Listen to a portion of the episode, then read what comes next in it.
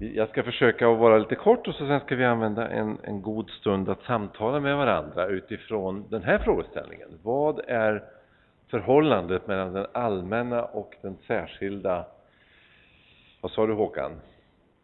Allmänna och särskilda skickliggörandet, ja. Det är väl en spännande fråga. Och vill ni veta vad den betyder så får ni fråga Håkan. Johannes evangeliet kapitel 15. Vad kostar det? Johannes evangeliet börjar med liknelsen om vinstocken som handlar om att Gud i sin godhet beskär oss för att vi ska bära mer frukt. Det är att likna vid svenska årstider. Det är vinter, det är vår, det är sommar, det är höst. Det är i våra liv, det är i mitt liv, det är i våra gruppers liv, cellgruppers liv, det är i församlingens liv, det är i kyrkans liv. Och Gud beskär därför att han är god.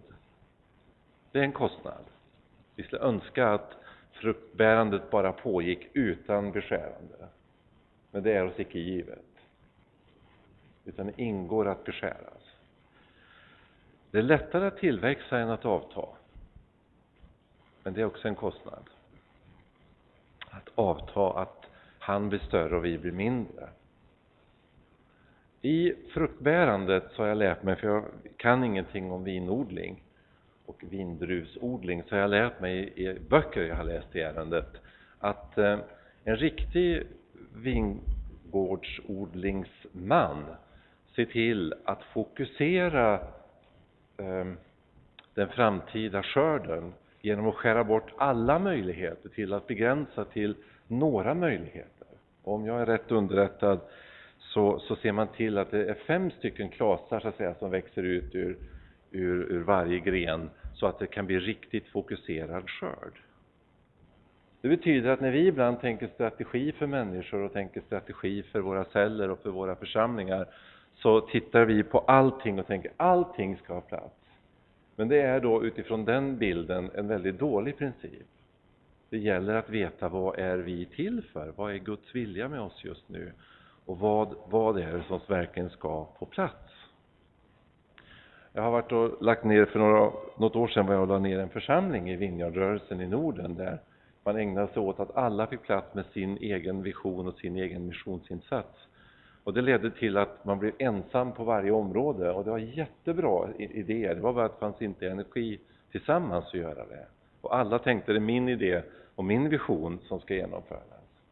Det var en smärtsam erfarenhet att se det. Fantastiska människor men inga resurser att genomföra visionen. Det hade varit en väldigt bra princip att skära bort ett antal möjligheter. Det är kostsamt, för det betyder att lägga ner sitt liv för sina vänner.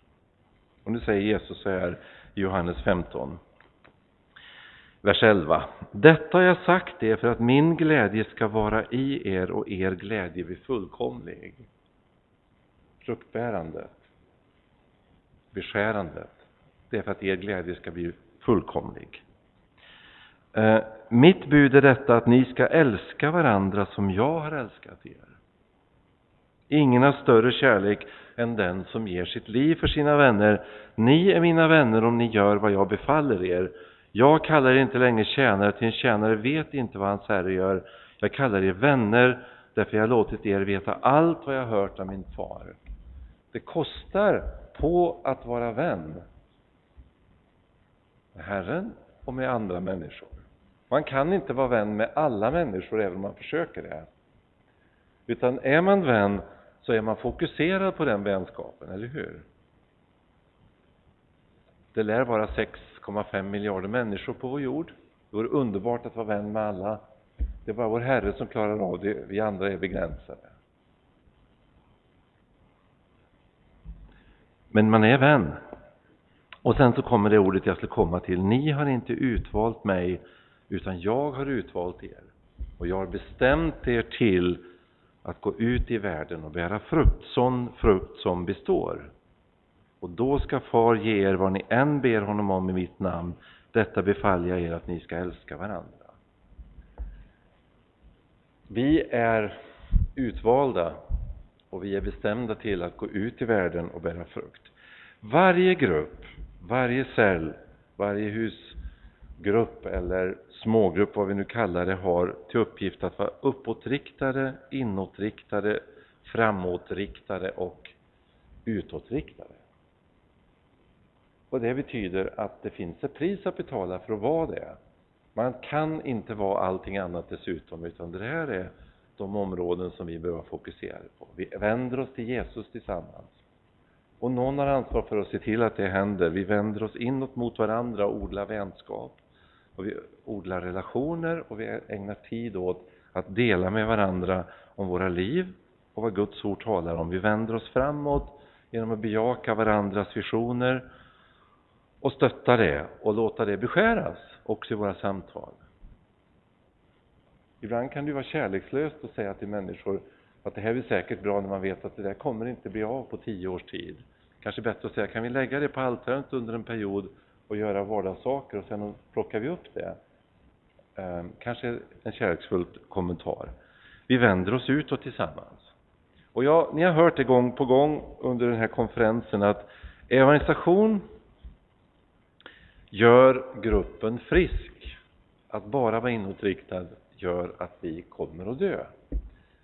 Eh, evangelisation tillsammans är så otroligt viktigt. Alltså vad är uppgiften för gruppen? Ja, det är lärjungaskapande, men också att nya lärjungar kommer in, föds, föds på nytt och blir Jesu lärjungar. Och något mer rikt än att få vara med om det kan vi inte vara med om som gemenskap. Det kostar att fokusera på det. Det kostar tid, det kostar energi, det kostar resurser. Ehm, men det är ett otroligt billigt pris om man tänker på frukten. Frukt som består. Frukt som gläder Fadern och som eh, handlar om att vara Jesu vän. 12 minuter. Nu ska vi prata i grupper om det allmänna och särskilda skickliggörandet av lärjungar. Och eftersom vi nu har 28 minuter på oss innan vi bryter sessionen så ska vi använda tiden effektivt. Vi sätter oss tre och tre. Vänd er mot två nu. Titta på två som ni vill vara med. Ja, titta där, vad trevligt. Man kan flytta på sig. Och vi skulle önska att vi pra ni pratade just om de här ämnena. Kostnaden, fokuseringen, beskärandet och skickliggörandet.